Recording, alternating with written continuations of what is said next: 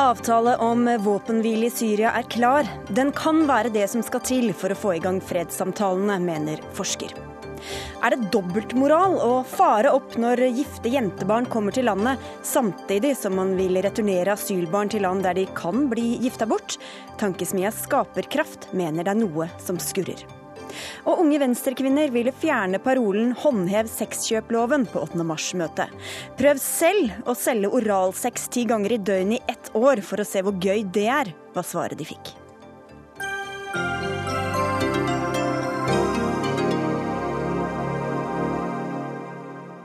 God fredags ettermiddag. Her er Dagsnytt 18 i NRK P2 og NRK2. Jeg heter Sigrid Solund. Om en uke kan våpnene stilne i deler av Syria etter at deltakerne i den såkalte Syria-gruppa ble enige i München. Gruppa består av bl.a. utenriksministeren i USA, John Kerry, og hans russiske kollega Sergej Lavrov mens partene i Syria ikke er representert. De ble også enige om å få humanitær hjelp og mat inn i byer til de beleirede delene av Syria. Midtøsten-korrespondent Sigurd Falkenberg Mikkelsen, hva mer er det avtalen går ut på? Ja, Den har disse to hovedsøylene, eh, som er at eh, det skal leveres humanitær hjelp til de mest utsatte områdene. Og det skal skje raskt. og Der er det også eh, et umiddelbart behov. Folk holder på å sulte i hjel i deler av Syria. Og så er det også da et prosjekt om å få dette mer permanent. Det er 13,5 millioner mennesker som trenger hjelp i Syria. Det er den ene biten. Og så har du da denne våpenstillstanden som skal tre i kraft i løpet av uken, hvor partene i eh, den internasjonale støttegruppen for Syria, eh, ISSG, som inneholder de fleste av eh, verdens stormakter, forplikter seg til å legge press på partene for å få til en våpenstillstand. Det er ikke en våpenhvile i klassisk forstand, men altså bare at krigs, krigs handlingene stanses. Det er på en måte kjernen i Eh, denne avtalen, eh, som også har mange, mange hull. Men hvordan kan egentlig land utenfor bestemme at et annet land skal innføre våpenstillstand? Nei, Det er fordi eh, Syriakrigen for lengst har blitt en både regional og internasjonal eh, krig. Eh, hvor alle regionale stormakter, og også USA og Russland, og også til en viss grad de europeiske stormaktene, har grupper de støtter på forskjellig vis. Så det reflekterer hele, hele, noe av den grunnleggende problematikken her. Og også, også, hvor vanskelig det er å få til en stans, fordi det er så mange kryssende interesser her. Seniorforsker ved International Law and Policy Institute, ILPI, Cecilie Hellestveit. Eh, hva kommer til å skje nå når altså partene det gjelder også skal komme på banen? Altså, dette er jo en, en del av Genéve-forhandlingene. Eh, da partene reiste til Genéve, men ikke møtte hverandre, og dro hjem igjen etter noen dager for et par uker siden, så var det nettopp fordi dette var the missing link. Man trengte en form for stans i stridshandlingene. Det krevde opposisjonen. Og man trengte også å vise folk på bakken i Syria at nå nytter det å dra til Genéve for å forhandle, for det fører til noe på bakken som endrer situasjonen vår. Det kommer nye tall nå ikke sant, om at denne borgerkrigen har kostet eh, bortimot en halv million mennesker liv. 1,5 millioner skadde. altså Bortimot 10% av Syrias befolkning har enten blitt drept eller eh, har blitt skadet som følge av denne krigen. Og eh, De trenger å se at når man nå setter seg ned og forhandler på ting som egentlig kunne blitt sagt for tre år siden, eller tre og et halvt år siden, så må det på en måte ha noen effekt. Partene trenger å bygge tillit mellom hverandre, og denne form for stans i stridighetene gjør at man på en måte kan få partene både til å begynne å tro at fiendene kan holde avtaler. Men enda viktigere så kan de bevise på en eller annen måte at russerne og amerikanerne og statene rundt klarer å presse sine til å eh, holde de lovnadene som blir gitt.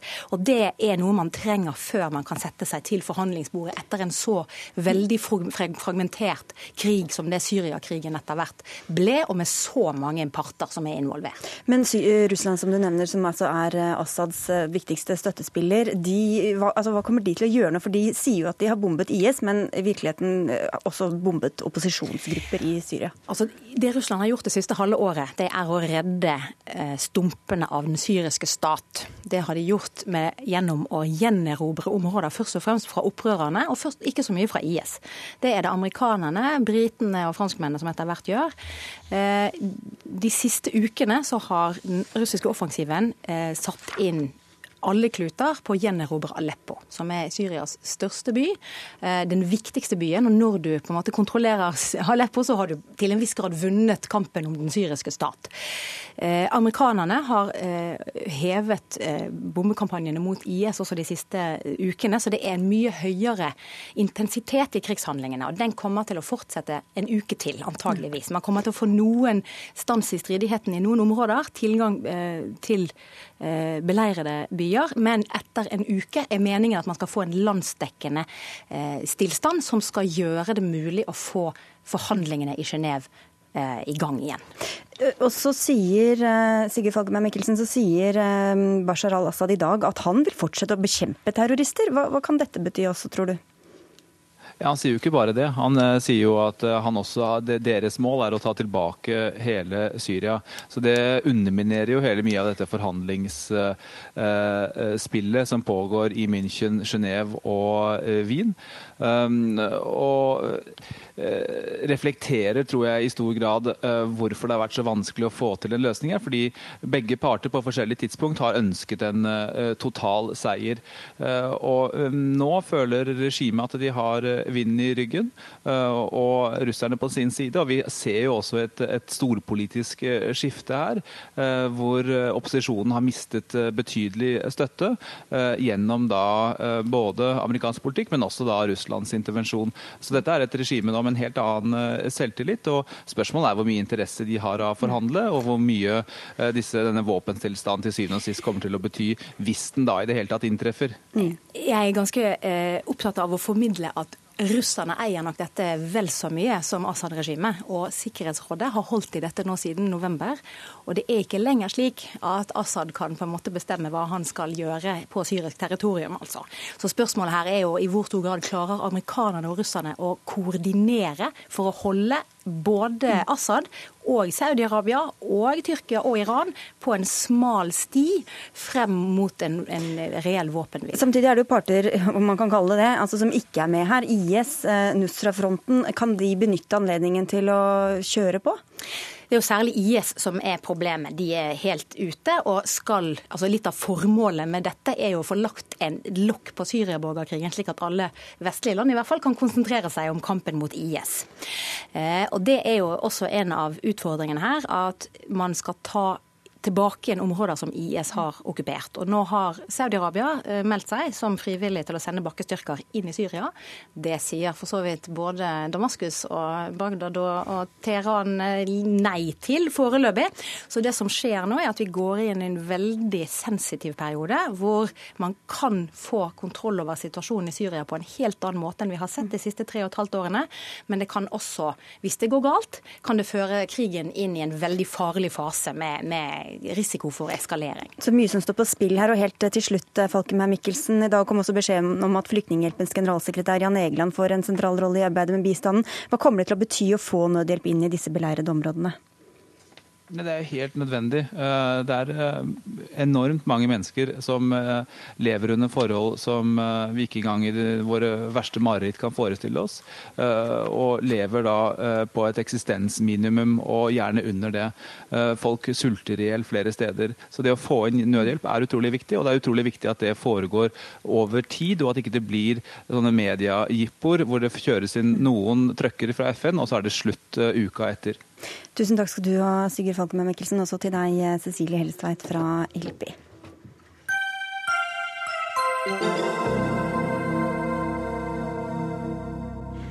Flerkultur er en styrke, sier den nye lederen av Oslo Fremskrittsparti, og går inn for lukkede asylmottak og avskaffe alle former for permanent opphold for asylsøkere. Det har vært sterke reaksjoner på disse og andre vedtak som Oslo Frp gjorde forrige helg, der du ble valgt til ny leder, Aina Stenersen. Du sier altså til Dagsavisen i dag at du applauderer flerkultur, men hvordan skal du få flerkultur hvis du skal sperre alle asylsøkerne inne og ikke gi noen av dem varig opphold i Norge? Ja, nå er det jo dere i mediene da, som bruker ordet 'sperre inne' og 'alle asylsøkere'. Eh, det Oslo Frp har foreslått, eh, det er at de som har ukjent identitet, skal sitte på mottakene til identiteten er klargjort. Eh, og så er det også sånn at midlertidig opphold er hovedpraksisen, men f.eks. etter ti års tid så kan man vurdere statsborgerskap.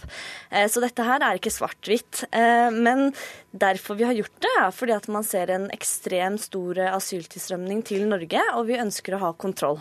Men Så det jeg har misforstått er at du ikke vil Altså det er bare de med uavklart identitet som skal inn på lukkede mottak, og ingen andre? Det er de med uavklart identitet, ja. Også, også et av forslagene er også at kvinner, eh, barnefamilier, skal inn på enkelte mottak, og enslige menn skal på andre mottak. Differensierte mottak. Så, og, og, dette med etter ti år, altså hva skal bestemme da hvem som skal få varig opphold eller ikke? Altså Nå er det sånn at disse resolusjonene er forslag til en bærekraftig innvandrings- og asylpolitikk. Så har vi sendt forslagene fra oss til Stortinget og til regjeringen for videre behandling. Eh, og Grunnen til at vi gjør det her, er jo for at vi ser at veldig mange barn forsvinner fra mottakene. Nå har jeg vært i denne debatten lenge, og det er utrolig få som når snakker om de barna som forsvinner. Det er 15 000 000 i Oslo som ikke har papirer. Når de ikke har papirer, så livnærmer seg stort sett på f.eks. kriminalitet. Eh, og disse menneskene har ikke hørt et eneste forslag eh, som noen har kommet med, hva man skal gjøre. Eh, og det bekymrer meg, og derfor er jeg glad for at vi i Oslo Fremskrittsparti foreslår forslag for å få en bærekraftig innvandringspolitikk. Jon Peder Egenes, du er generalsekretær i Amnesty Norge, og omtrent samtidig som dere sendte et krast høringssvar til regjeringas forslag på, til innstramming i asylpolitikken, asylpolitikken, så kom altså dette mm, største lokallaget fra det ene regjeringspartiet med forslag som går lengre. Hvordan vil du karakterisere de vedtakene fra Oslo Frp? Ja, nei, altså, Nå kom det jo et litt annet signal her nå enn det, enn det vi har hørt tidligere. Da, men, men, eh, det første er jo um, at vi oppfatter at det å skulle sperre folk inne som har gjort, ikke har gjort noe galt, det er et brudd på menneskerettighetene. Og det er forstemmende at det største lokallaget går ut fra i et regjeringsparti kommer med det de selv mener er et seriøst forslag som bryter menneskerettighetene. Så er det litt ekstra ironisk at de i overskriften på dette resolusjonsforslaget så snakker de om at jeg tror de bruker ordet at regjeringen skal gå inn for en aggressiv assimilering av frihetsverdier. Uh, og Det er jo for så vidt uh, et, interessant innspill, uh, men, men, det viser også en viss sånn hva skal jeg si, feiloppfatning av menneskerettighetene. Altså Den norske skolen, de norske lovene, ehm, det norske sivilsamfunnet. Alle jobber vi jo for eh, de verdiene som ligger til grunn for det norske samfunnet, og vi ønsker at flest mulig skal dele dem med oss. Men de samme frihetsverdiene er jo der også for å beskytte de som har andre meninger, de som, som har uh, andre religioner osv., enn det majoriteten i landet har. Uh, sånn at det blir en litt sånn merkelig sånn schizofren holdning til nettopp frihetsverdier. da. Eh, eh, og så lurer jeg jo litt på, eh, og jeg er også veldig opptatt av disse barna som blir borte, men, men du kan jo ikke mene at du skal sperre dem inne for at de ikke skal bli borte. Det er jo en helt merkelig måte å forholde seg til det på. Det må være mye viktigere at politiet tar disse sakene mye mer på alvor og faktisk leter etter disse barna, for det gjør man i veldig liten grad i dag. Nå, jeg, nå, sa jeg nettopp at vi skulle ha egne mottak for barnefamilier eh, og for kvinner, sånn at de blir ivaretatt eh, der. De som skal settes i lukkede mottak, som Arbeiderpartiet allerede har finansiert De finansierte Nei, men det er, nei la meg svare. Eh, og det, er, det har de allerede finansiert i Hellas. Og så har vi aldri brukt ordet aggressiv assimilering av frihetsverdier. Vi bruker assimilering av frihetsverdier. Og det er fordi det går på ytringsfrihet, det går på likestilling mellom kjønnene. Eh, man har sett situasjoner i Køllen hvor kvinner blir eh, utsatt for seksuelle overgrep og trakassering. og Det ønsker vi ikke å ha en tilsvarende situasjon Nei, men Vil du sperre disse barna inne for å hindre at de skal forsvinne? Barna skal inn på egne mottak. Sperres inne eller ikke? Nei, de skal inn på egne mottak. Differensierte mottak. De som har eh, Men Da kan de vel fortsette å forsvinne som i dag, da? Nei, for der har man en større overvåkning enn det man vil ha i dag. Men så er poenget også at vi ønsker også å hindre uvedkommende i å komme inn på asylmottak asylmottakene. For det har vært et stort problem også, at de kommer inn. Og så syns jeg også Jeg syns heller at Amnesty burde støtte Oslo Fremskrittsparti. Fordi vi er opptatt av frihetsverdier. Vi er jo opptatt av menneskerettighetene. Det er derfor vi fremmer disse forslagene. Og gang på gang så ser man på en måte at man går rett i strupen, mm. istedenfor å heller hylle forslag som faktisk fremmer menneskerettigheter. Reagerer på autopilot? Ja, det gjør det. Nei, det gjør vi ikke. Som jeg sa, vi er helt enig i at det er viktig å jobbe for at flest mulig mennesker uh, støtter menneskerettighetene og lever i tråd med menneskerettighetene, og at stater opptrer i tråd med menneskerettighetene. Da bør man ikke foreslå at man skal sperre inne mennesker som ikke har gjort noe galt det å sperre mennesker inne, enten man kaller det et fengsel eller et lukket mottak, det har vi i Norge bestemt oss for at det gjør vi med mennesker som har brutt lovene våre. Og Hvis man på den ene siden sier at man skal gjøre det, og på den andre siden sier at man skal jobbe veldig for frihetsverdier, så, så er jo det en direkte eh, kollisjon mellom to sett med verdier. For det er å bryte frihetsverdiene, det å sperre uh, mennesker inne som ikke har gjort noe galt. Men kan jeg bare korrigere deg? Norge har ikke ikke finansiert et lukket mottak i Hellas. De har finansiert såkalte mottakssenter, hvor folk er noen korte, korte dager. Fremskrittspartiet gjentar og gjentar at Norge har finansiert lukkede mottak, og at vi nærmest gjør det ute, men vi burde gjøre det hjemme. Det stemmer ikke. Men jeg må bare høre om disse barna. Kan de forlate mottakene eller ikke? Først har jeg lyst til å svare svar, på Kan du ikke bare nei. svare på om de fordi Jeg ble forvirra da du sa det i stad, om de kunne altså de skulle overvåkes. Som jeg har sagt, så skal barn og kvinner inn på egne mottak. Som de kan Hvordan gå ut fra eller ikke? Hvordan formen er, er det opp til regjeringen og Stortinget å fastslå. Hva vil dere da? Fordi det det kan ikke jeg sitte her og svare på nå. Det er opp til regjeringen. Vi har sendt forslaget fra oss, men vi ønsker hovedsakelig å ha lukkede Men Hva foreslår dere? Foreslår dere at de skal kunne bevege seg fritt, eller ikke? Vi foreslår ordrett at det skal være differensierte asylmottak for kvinner og barn og for enslige menn. Og så sier vi at primært sett så skal man ha lukkede mottak på de som ikke har identitet. Men så har jeg lyst til å svare på også Eh, også det med mottakene i Hellas. Eh, der er det, det er et lukket mottak, selv om det er et inntaksmottak, så er det akkurat samme prinsipp. Men de er der veldig kort de er, Nei, de er der ikke så veldig kort tid. Det er opptil flere, kanskje fire-fem måneder som de er der. Og Fremskrittspartiet har sagt at vi ønsker å ha en behandlingstid som er veldig mye kortere enn det Arbeiderpartiet hadde. Mm, og så syns jeg også det er interessant at Amnesty ikke kritiserte Arbeiderpartiet. Når folk sitter satt under Arbeiderpartiet på mottak i fem, seks, syv år, hvor var hende at det kom noen menneskerettigheter. Vi, har, kritisert uh, Først så kritiserte vi Norge fordi de satte folk med, us, med u, usikker identitet i fengsel, som vi gjorde før i tiden. Og var faktisk for at for noen kategorier trenger vi lukkede mottak. Det, altså, vi har ikke et prinsipielt syn på at Trandum må åpnes, men det er veldig viktig at det er mennesker som har gjort noe galt, og som, har, som enten har oversittet tiden, og som skal ut, og som sitter inne på lukket mottak i veldig kort tid før de reiser ut, eller mennesker som faktisk har brutt loven. Eh, mens det dere foreslår, i hvert fall er det sånn både du har lagt det fram tidligere, og ikke bare jeg, men også mange andre har oppfattet det, det er at mennesker skal sitte innesperret fordi de er asylsøkere. De har, de har anvendt sin menneskerett til å søke om asyl, og så sier dere, sånn som jeg har oppfattet det, og sånn som du har forsvart det, og sånn som Lippestad har oppfattet mange andre, at da skal de sitte innesperret. Og det er jo en Altså Det er et direkte brudd på menneskerettighetene, og det står helt i strid med det jeg ville oppfatte som Men frihetsverdier. Jeg er veldig glad for at du støtter enkelte deler av lukkede mottak, for det var jo også en veldig ny linje. Og så er det jo jeg som er, så finne det jo, Så er det jo jeg som er leder i Oslo Frp, så jeg vet hva vi står for og hva vi har foreslått, og det vet jeg veldig godt. Og det her det er lukkede mottak ja. for de som ikke har papirer. Men, det, ja, men, ja, men, da, men det er viktig. Ja, men du, det er viktig. For det er, eh, folk som ikke har papir, det er jo faktisk veldig, veldig mange. Og, og, en stor grunn til at de ikke har papirer, er at de ikke får papirer der de kommer fra. Så, så da så snakker om at veldig veldig mange skal inn i lukkede mottak. Men jeg må bare helt på tampen, Stenersen, fordi til dette med integrering og assimilisering Nei, det var litt feil. Men for du sier også til Dagsavisen at du ville blitt kjempemotivert hvis du var flyktning, og du sier at dere har en strategi om at flere innvandrere skal stemme på dere fordi mange av dem er gründere osv.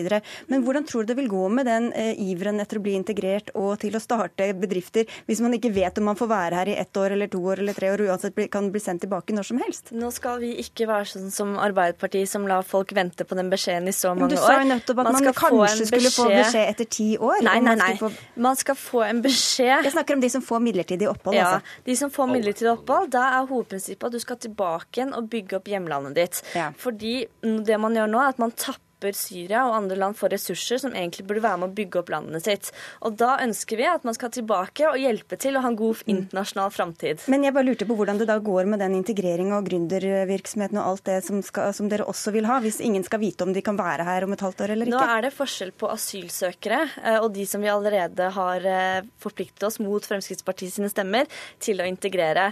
Og de som allerede er her, skal integreres, men de asylsøkerne som kommer på nytt igjen, der er hovedlinjen at man skal tilbake til landet for å bygge det opp. Og det er et veldig enkelt prinsipp og veldig rettferdig prinsipp. Altså, men asylsøkere kommer jo til Norge, og så får de asyl og blir da akseptert som flyktninger, eller de får det ikke og blir sendt hjem igjen. Eh, og I Norge har vi jo nå en lov som sier at du har da midlertidig opphold i tre år, og etter tre år så kan du søke om ja, å få bli Det er jo mange som vil utvide det. Da. Ja, men det er, den, det er, den, loven vi har nå. vi er nødt til å avslutte. Beklager, altså. Vi kunne holdt på i en time. Vi får ønske dere velkommen tilbake en annen gang. Tusen takk skal dere ha, Jon Peder Eggenes og Aina Stenersen.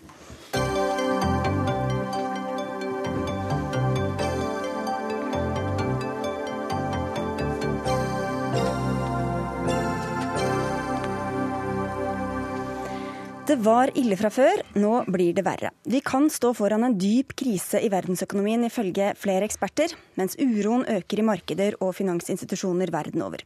Selv om Oslo Børs steg med en drøyt prosent i dag, har den falt kraftig den siste tida, alt mens oljeprisen fortsetter å gå ned. Det kan bli riktig ille, og det er en markant risiko for dyp krise, sier du til Dagens Næringsliv, Pål Ringholm. Du er analysesjef i Svedbank.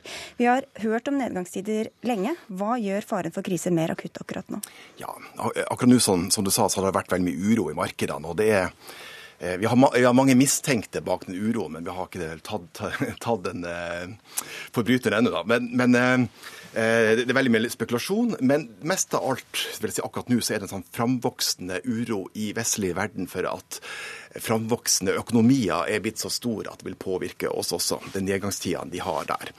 Og Den største faren av de alle er ikke knytta i utgangspunktet til en, til en europeisk banksektor, men til en kinesisk banksektor og en kinesisk økonomi som har vokst svært mye over mange år nå, eh, med enorme innslag av, av, av drevet av gjeld. Mm, og verden er blitt liten. Eh, analytikere i den amerikanske storbanken Goldman Sachs har kartlagt faren for resesjon i en rekke land. Norge kommer veldig dårlig ut i oversikten, som er gjengitt av Bloomberg. Resesjon betyr altså at et lands bruttonasjonalprodukt faller i to eller flere kvartaler etter hverandre. Og ifølge undersøkelsen er det 81 eh, fare for at det kan skje her til lands. Hvor sannsynlig tror du det er at det kan skje i Norge? Um, ne, altså det, det, Norge er jo et land som har hatt 15 fantastiske år, pluss-minus. da. Eh, ikke bare fordi det er typisk norsk å være god, men fordi vi har veldig flaks. Vi har solgt varer dyrt, eh, alt som er tungt, eh, og, og olje, pga. Kinas framvekst i verdensøkonomien, og vi har importert billig. Den perioden er over, da. Så eh, skal vi få en dyp nedtur, så må det skje mer ting enn bare oljeprisen, som har falt. Det må også skjedd med boligmarked. Og eh, det må komme en global resesjon på toppen av det, men sjansen er definitivt til stede. Kari Du Andresen, du er sjeføkonom i Handelsbanken Markets. Eh, hvordan kan man motvirke en så alvorlig nedgangstid som det vi potensielt står overfor nå? Og Det som er problemet for Norge som en liten økonomi, er at vi er jo helt prisgitt det som skjer internasjonalt.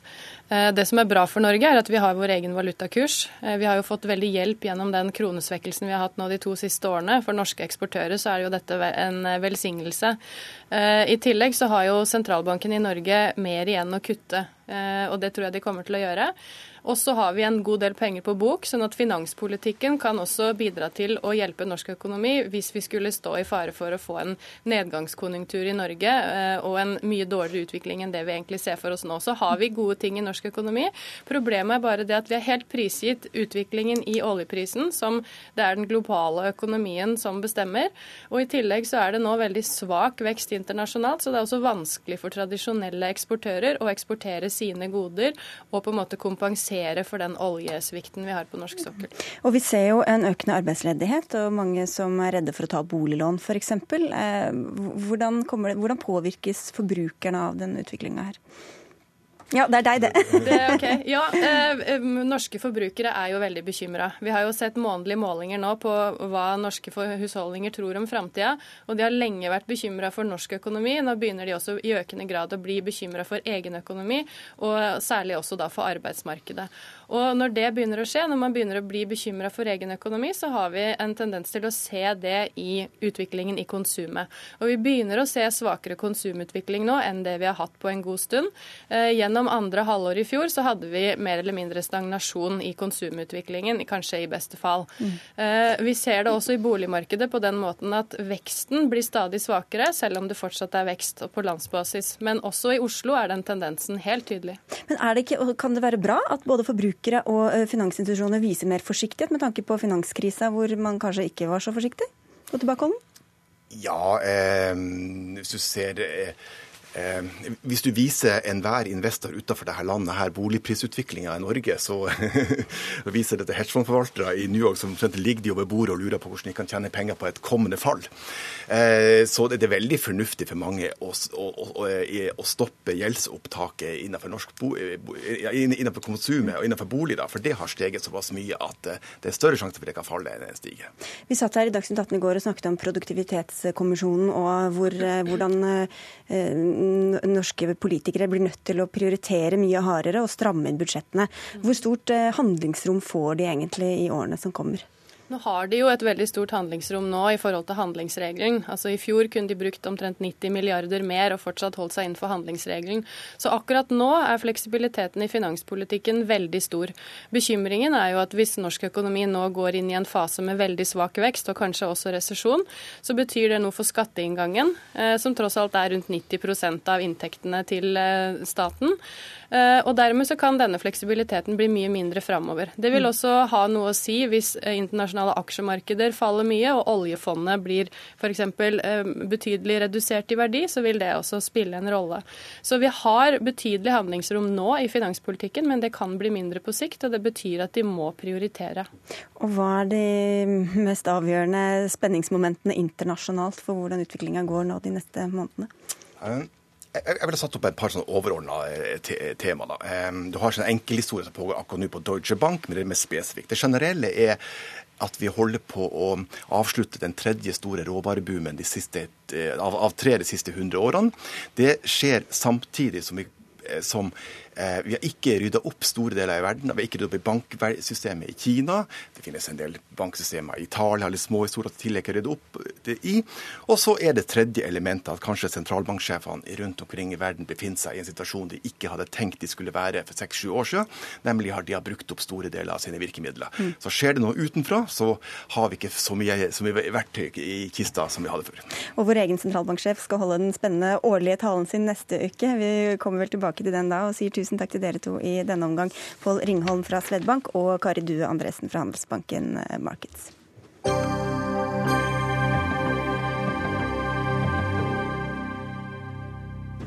Ved siden av rovdyr, innvandring og Midtøsten-konflikten er det lite som hisser opp nordmenn så mye som språket vårt.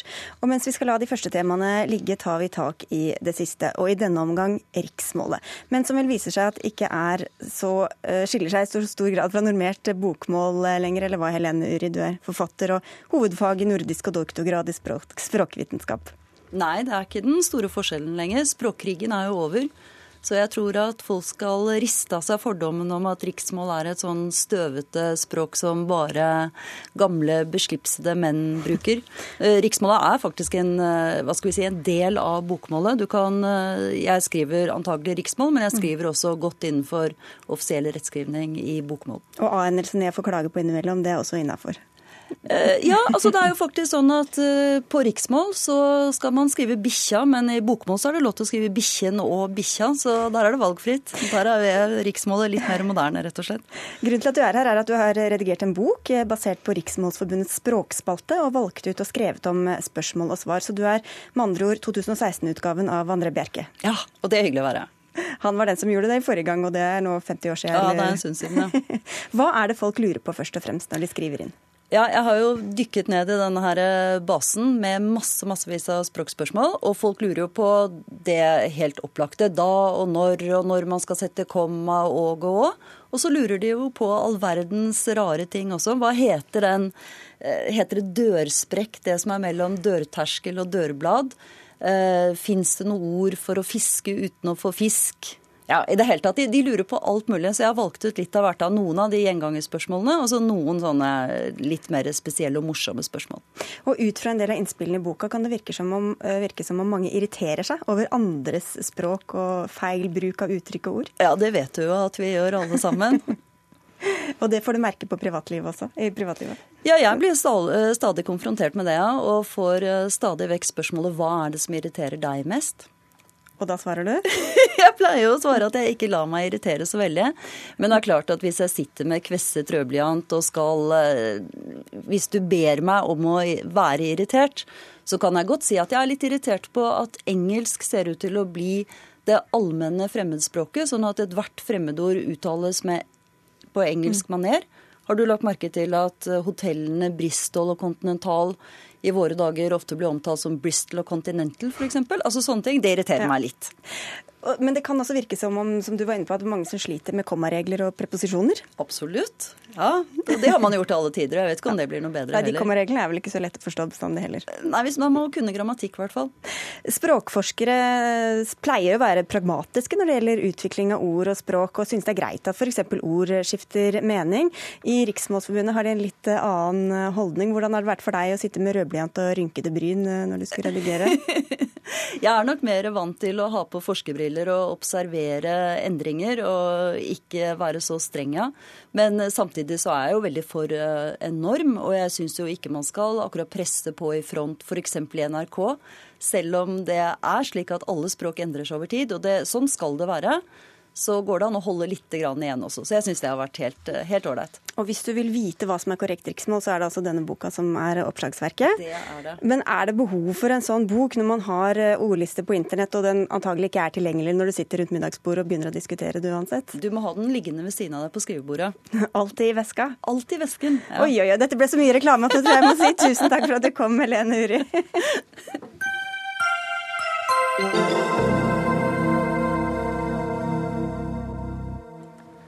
Når vi lar oss forferde over at unge jenter kommer til Norge som gift, men samtidig utviser like gamle barn til land der det er vanlig å gifte bort mindreårige, da er det noe som skurrer. Det skriver du i Dagbladet, Philip Rygg, du er leder av den kristne tankesmia Skaperkraft.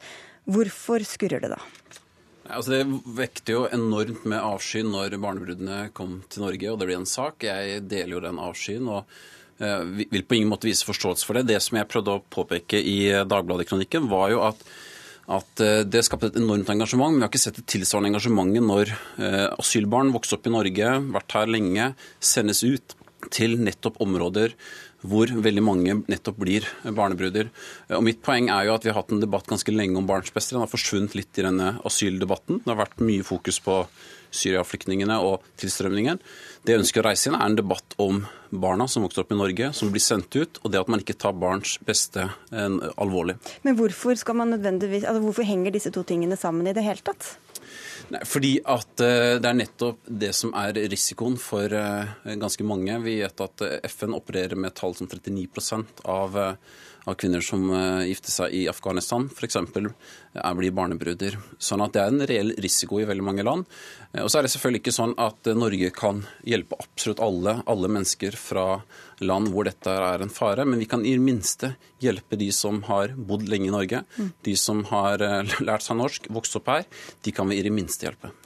Stortingsrepresentant for Høyre Heidi Nordby Lunde, du reagerte ganske kjapt og krast på denne kronikken. Er det dobbeltmoralsk å bekymre seg fryktelig over de som kommer til Norge, men samtidig sende ut andre som kan bli tvangsgifta som barn?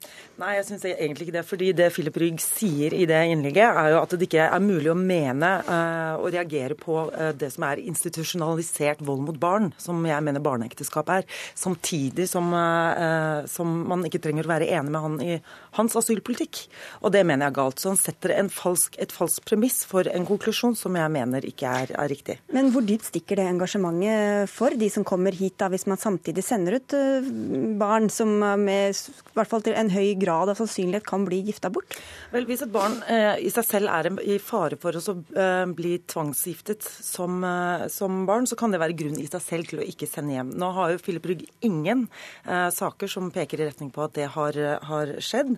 Men det er jo heller ikke slik at alle mindreårige jenter som drar tilbake til landet der hvor foreldrene kommer fra, blir utsatt for dette heller. Så med andre så hviler dette her på et feil premiss, og jeg mener at det både er en logisk feilslutning, men det er også en hersketeknikk. Fordi konklusjonen ikke har en, en logisk konsekvens av premisset. Det du sier er at uh, du kan ikke være mot barneekteskap dersom du samtidig mener det er riktig å sende ut grunnløse asylsøkere til land der barneekteskap forekommer. Og det mener jeg er feil konklusjon. Ja, det er jo ikke det jeg sier. Det jeg sier at det er, eh, det er underlig, og det skurrer for meg, at man, eh, at man ikke har større engasjement for de barna som sendes ut til veldig farlige steder. Og det, det, viser jo også Gang på gang så viser det jo at Norge taper jo disse sakene også i retten. Eh, vi ser hvordan FN eh, gir kvoteflyktningstatus. sånn at det er jo ikke så enkelt som det min motappelant sier, at dette her er helt enkle saker. Dette er ganske alvorlige saker, og det jeg etterlyser, er jo et engasjement både fra regjeringspartier og fra resten av Stortinget Men... for disse barna i land som er farlige. Det er barneekteskap, som er en stor risiko. 39% utsettes for det, men det er også veldig mange andre farer. Men hvorfor skal du blande det inn i, med, med tvangsekteskap av barn i det hele tatt, hvis du bare er generelt er bekymra for ba hvordan barna får det dit de kommer når de blir returnert? Returnert? Fordi det er en veldig stor risiko. Eh, og da er det helt naturlig å påpeke det. Eh, på samme måte som det er andre ting som også er en eh, stor risiko. Og det er veldig lett å gjøre dette til en debatt om tall og skikkelser. og Man kan fort si at ja, hvis man skal hjelpe disse, så, så må man hjelpe alle. Men det syns jeg er et ganske sånn underlig ståsted. Vi er nødt til å hjelpe de vi kan hjelpe. Og da kan vi i det minste begynne med de som har vokst opp her, som bor her. Noen av sakene, sånn som Farida-saken, var jo en sak hvor man fikk opphold og mistet dette. Eh, og så attpåtil så taper da Norge saken i retten til slutt. Ja, så Du kobler altså dette her mot en sak som fortsatt verserer i, i rettssystemet, der norske myndigheter har sagt at disse var grunnløse asylsøkere og har gitt avslag på søknaden.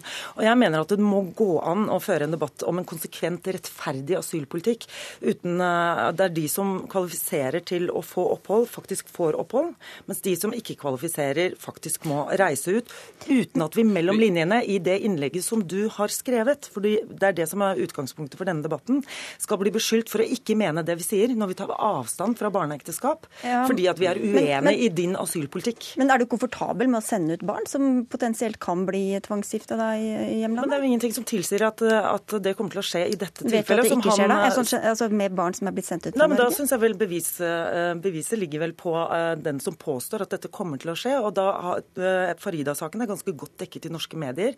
Dersom moren har sagt noe om at hun kommer til å tvangsselge og tvangsgifte bort sin datter, så tror jeg vi hadde visst om det. Kan Philip Rygg bekrefte at eh, han tror dette om Faridas mor?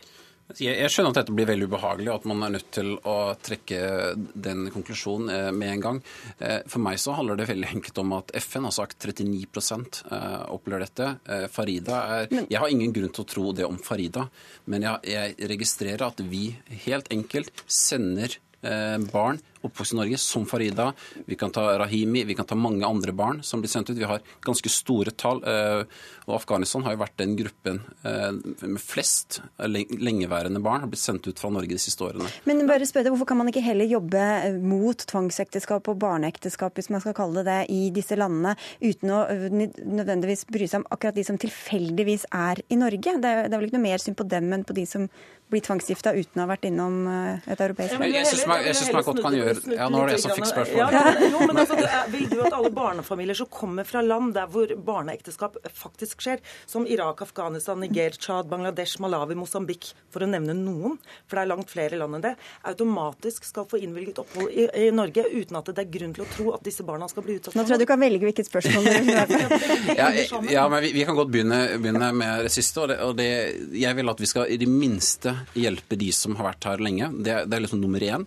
Eh, og så er det er det sånn at uh, hvis det er noen som holder på å drukne like ved siden av deg, skal du la være å redde den fordi at veldig mange andre står i fare? Nei. Jeg mener at vi må redde de vi kan redde. Vi må hjelpe de vi kan hjelpe. Men kan du ikke kan da minst... se for deg at du heller vil redde en som du vet står i fare for å bli tvangsgiftet i Afghanistan, i stedet for en som potensielt kanskje blir det hvis du sender dem ut fra Norge? Jeg mener definitivt at Norge bør engasjere seg i det, og det vet jeg også at vi gjør uh, på ulike programmer. Uh, og så kan vi engasjere oss for de barna som har vært i Norge, som vokste opp her, og som står i fare også for andre ting enn dette med barneekteskap. Men det er ikke det du skriver i det innlegget, for det du mellom linjene påstår der, er at de som har et engasjement og reagerer kraftig på barneekteskap, ikke har det samme engasjementet for barn generelt, fordi vi ikke deler ditt syn på norsk asylpolitikk. Nei, det er ikke det som står. Og det, det blir alltid så ubehagelig å diskutere dette her, eh, fordi at man kommer i enkeltsaker. Men jeg mener vi er nødt til å snakke om enkeltsaker, for det er det det tross alt handler om. Og det var så langt vi kom i dag. Tusen takk skal dere ha, begge to, Filip Rygg og Heidi Nørby Lunde.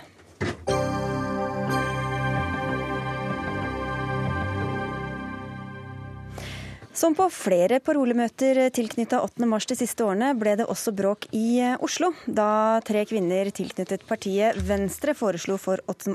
mars-komiteen i går å fjerne parolen 'håndhev sexkjøploven'. Fra Kari Jakkesson i kvinnegruppa Ottar kom nemlig følgende svar og oppfordring. Da må jeg få lov å adressere det forslaget om bordeller, og vil anbefale en liten studietur til Belgia og Tyskland for å se hvor nydelig det foregår i disse ordnede formene. Og så syns jeg og så syns jeg at du skal prøve å suge pikk ti ganger i eh, døgnet et helt år for å se hvor gøy det er å selge sex. Nei, det er sexkjøp. Sexkjøp handler ikke om en festlig, abstrakt idé om at man har rett til å gjøre hva man vil med kroppen sin. Det var lyd fra Radio Nova og programmet Kvinnesaken vi hørte her. Amanda Skei, du er leder av Norges Venstrekvinnelag og var til stede i går. Hvordan opplevde du det som skjedde? Vi var tre liberale feminister som dro på parolemøte for å bidra til konstruktiv debatt. Så kom eh, en jente fra Unge Venstre med et forslag om å fjerne den parolen om sexkjøp og bytte inn med noe annet.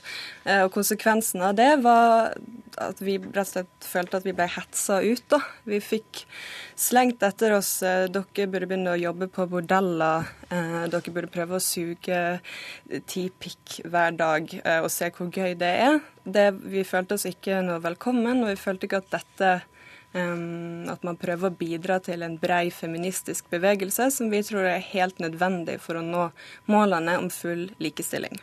Kari Jakkesson, du er også medlem i kvinnegruppa Ottar. Mener du at de burde tålt det svaret vi hørte en liten del av her? Uh, jeg var ikke klar over at det var mindreårige til stede på det møtet. Hvis jeg hadde visst det, så hadde jeg nok ordlagt meg annerledes. Det var en 17-åring? Uh, ja, det var en 17-åring. Og hun har jeg ringt i dag og snakket med og beklaget den harde ordbruken. For det hadde jeg nok. Absolutt. Men eh, samtidig så syns jeg det er ganske spesielt at man ønsker å innføre bordeller i Norge. At man ønsker å ikke håndheve sexkjøploven. Altså det er en lov vi har som kriminaliserer de som kjøper sex og som driver markedet. Eh, og jeg syns det er påfallende at man kommer på et 8. mars-møte og ikke forstår at det vil vekke reaksjoner når man går inn for bordeller. Og man ønsker ikke å høre noe om hva som skjer i bordeller. Og man ser heller ikke for seg at man selv skal være den som betjener kunder på, på bordeller. Det er det de andre som skal gjøre. Men syns du det er en OK inngang til eh, kvinnekampen å, å si til noen direkte, altså som du ser om de var 17 eller 18 eller 19, er ganske unge da uansett, og kanskje er der for første gang, hva vet jeg, og at de burde da prøve å suge pikk, som du sier til dem da? Vel, um, det jeg ser er at disse såkalte liberalistiske feministene, de ser kanskje på feminisme som et selvrealiseringsprosjekt. De er også mot, de også, og de nedbestemte alle paroler som hadde med arbeidsliv og likestilling å gjøre. De mente at stopp pornokulturen var for røft eh, ordbruk. Og jeg syns det er ganske rart at man syns at ordet porno er støtende, men man ønsker bordeller. Altså Det er ting som ikke henger helt sammen her. Eh, og det er klart at hvis, og de hadde heller ingen eh, forslag til paroler. og de, Dette var et veldig ryddig møte. Man kunne ikke snakke i munnen på hverandre og sånt nå. Man måtte løfte nummerlappen sin for å tegne seg til å snakke. Så det var jo veldig mange andre innlegg mellom disse. Mm. Men jeg var veldig følelsesmessig opprevet. Eh, jeg, jeg, var sjokkert, for jeg hadde aldri trodd at jeg ja, Det var mitt første 8. mars-møte også, jeg har ikke vært på et sånt før. Men jeg hadde aldri min villeste fantasi tenkt at her kommer det at man er uenig. Kvinnebevegelsen har alltid slåss innad, det er, helt, det er ikke en sånn koseklubb. Men at jeg skulle støte på et sånt argument når man etter så mange års hardt arbeid har fått en lov som kriminaliserer kjøperne, da hadde jeg aldri Jeg, jeg hadde rett og slett rødt utslett på hele brystkassen. Ja. Runa Fjellanger, du er sentralstyremedlem i Ungdom, og du er jo enig med Jakkesson i sak, altså i synet på sexkjøploven, men hva syns du om ordbruken? Mm. Ja, vi, er, tenker at vi trenger feminisme, eh, og vi trenger å samarbeide eh, når vi jobber med feminisme. Og da syns jeg det er veldig synd da, at Kari Jakkesson ikke bare støter bort Unge Venstre, men også vi som er enige med henne i saken, med den oppførselen. Og for meg så er det en sånn enorm kontrast da, mellom måten vi snakker om feminisme i Rød Ungdom, og måten man gjør det på 8. mars-komitémøter. Jeg gruer meg eneste år. Fordi det overrasker meg ikke at noen blir bedt uh, om å prøve å suge ti pikker i, døgnet. Uh, og det er så annerledes enn hvordan man ellers tar den debatten. Da.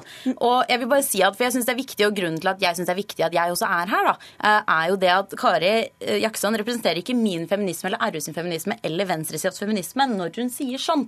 Da må det stå for sin egen regning. Men det er jo et innlegg i en debatt hvor Kari Jakkesson da snakker om hva det faktisk handler om. Hadde det da vært greit hvis hun bare brukt, pakket det litt mer inn, brukte litt mindre grove ord eller uh, eksplisitte vendinger? Problemet er at dette er ikke langt fra den typen ytringer kvinner opplever i kommentarfeltene. Der er det som oftest bare sugpikk, men det er kanskje enda kjipere da, for å høre fra en annen feminist at du skal prøve å suge ti pikker hver dag.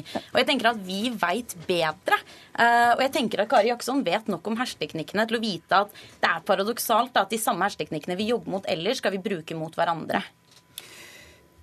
Det ble hentet frem. Eh, hva er det du heter? Unnskyld, jeg husker ikke navnet ditt. Amanda Høyholm. Hun var veldig opptatt av Hennes første innlegg handlet om at her må vi alle være enige og finne paroler som alle kan stille seg bak. Fred på jord osv. Det er ikke det 8. mars handler om. Det finnes en rekke arrangementer på kvinnedagen 8. mars er et eget arrangement, og der parolene skal stille krav. Og som regel løfte frem vanskelige saker. Så det å innbille seg at man skal nå bli, alle skal bli venninner og være enige, det er helt urealistisk og ikke nødvendig i det hele tatt. Det har alltid vært kamper. Men så er det også det at eh, eh, de Nei, nå mistet jeg litt tråden. Unnskyld. Du kan tenke deg om mens jeg svarer. Ja. Ja. Jeg bare si sånn, Når man kjemper for stemmerett for kvinner, så var det en brei politisk bevegelse, og vi trenger det hvis vi skal Men det er veldig overordna. Her er det jo mange ulike politiske men, unnskyld, meninger. Må jeg få lov å bare si en ting, unnskyld, hvis du tillater. Det var nemlig mange kvinner som ikke var for stemmerett for kvinner. Så man må jo ikke tro at her har alle vært enige om alt. Tvert imot.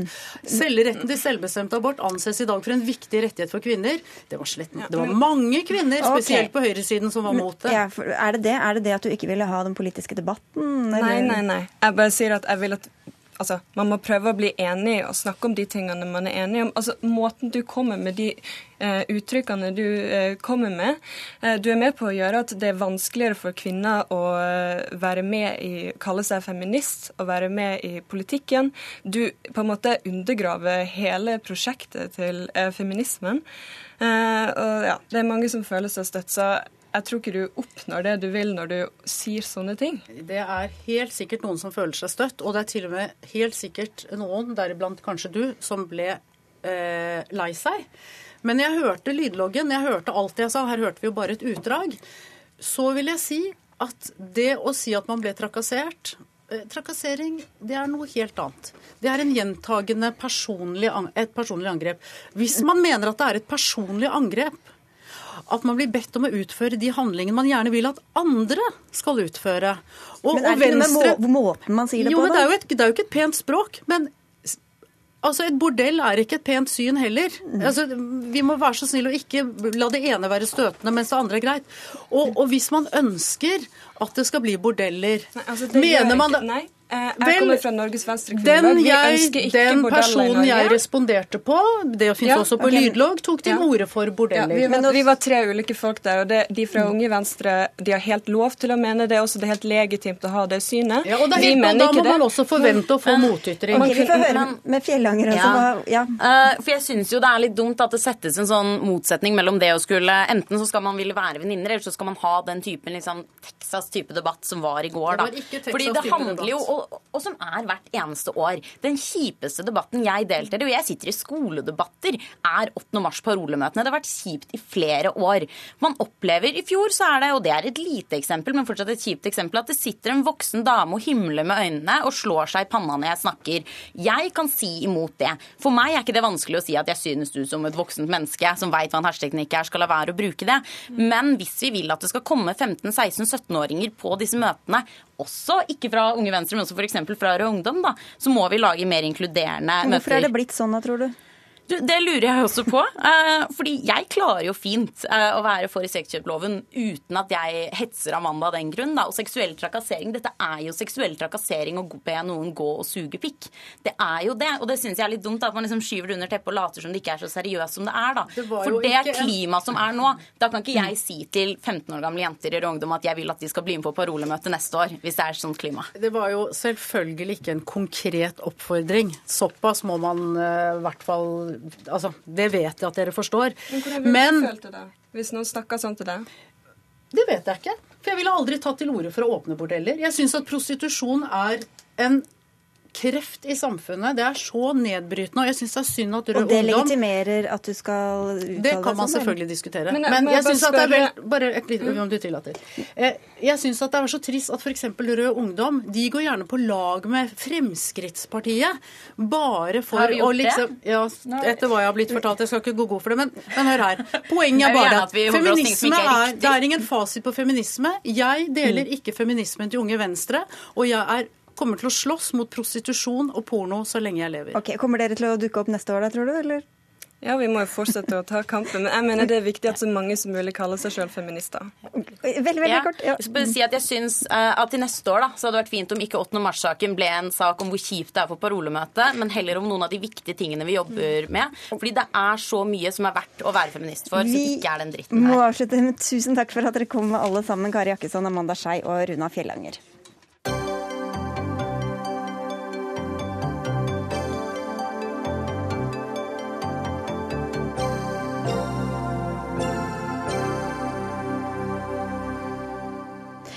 Kongefamilien mottar ikke lenger gaver fra kommersielle aktører. Vesker, kjoler, smykker og sportsutstyr blir nå sendt i retur, og et register over mottatte gaver fra private aktører ble første gang offentliggjort denne uka.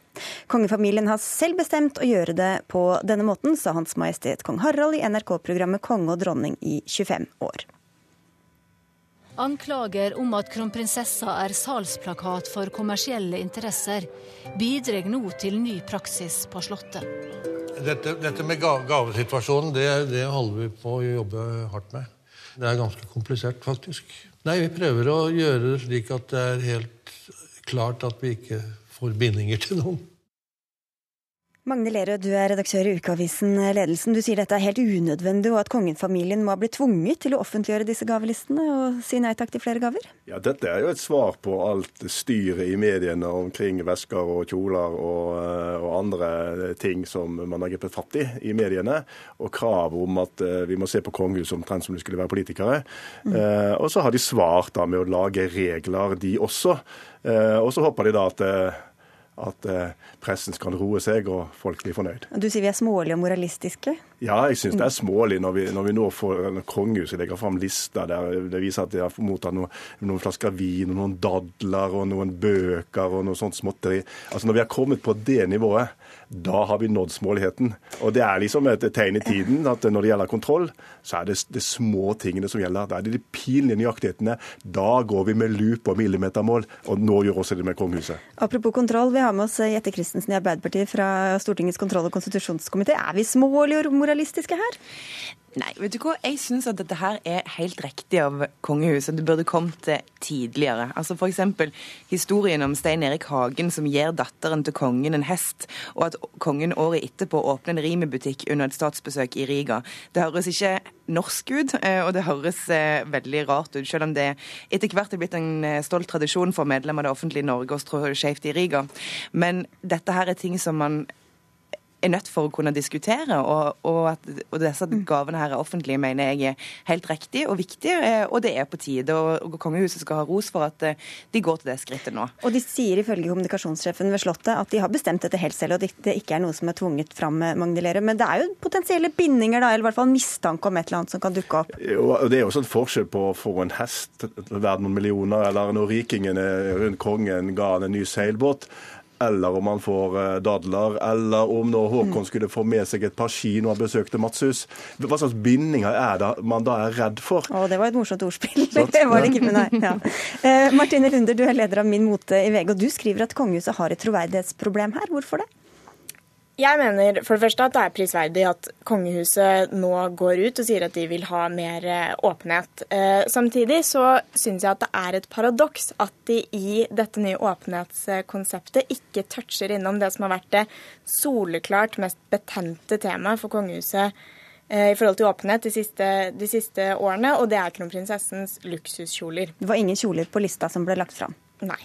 Og da kan man lure Magne Lerøe på om ja. det altså, Da er vi like langt. Altså, Denne debatten kommer til å fortsette. Nå har eh, kongehuset gitt eh, pressen lillefingeren, og de vil ha hele hånda. De vil ha full åpenhet. De vil at det skal behandles som om de er politikere. Eh, sånn, underlagt offentlighetsloven. Det er kravet fra mediene og diverse redaktører.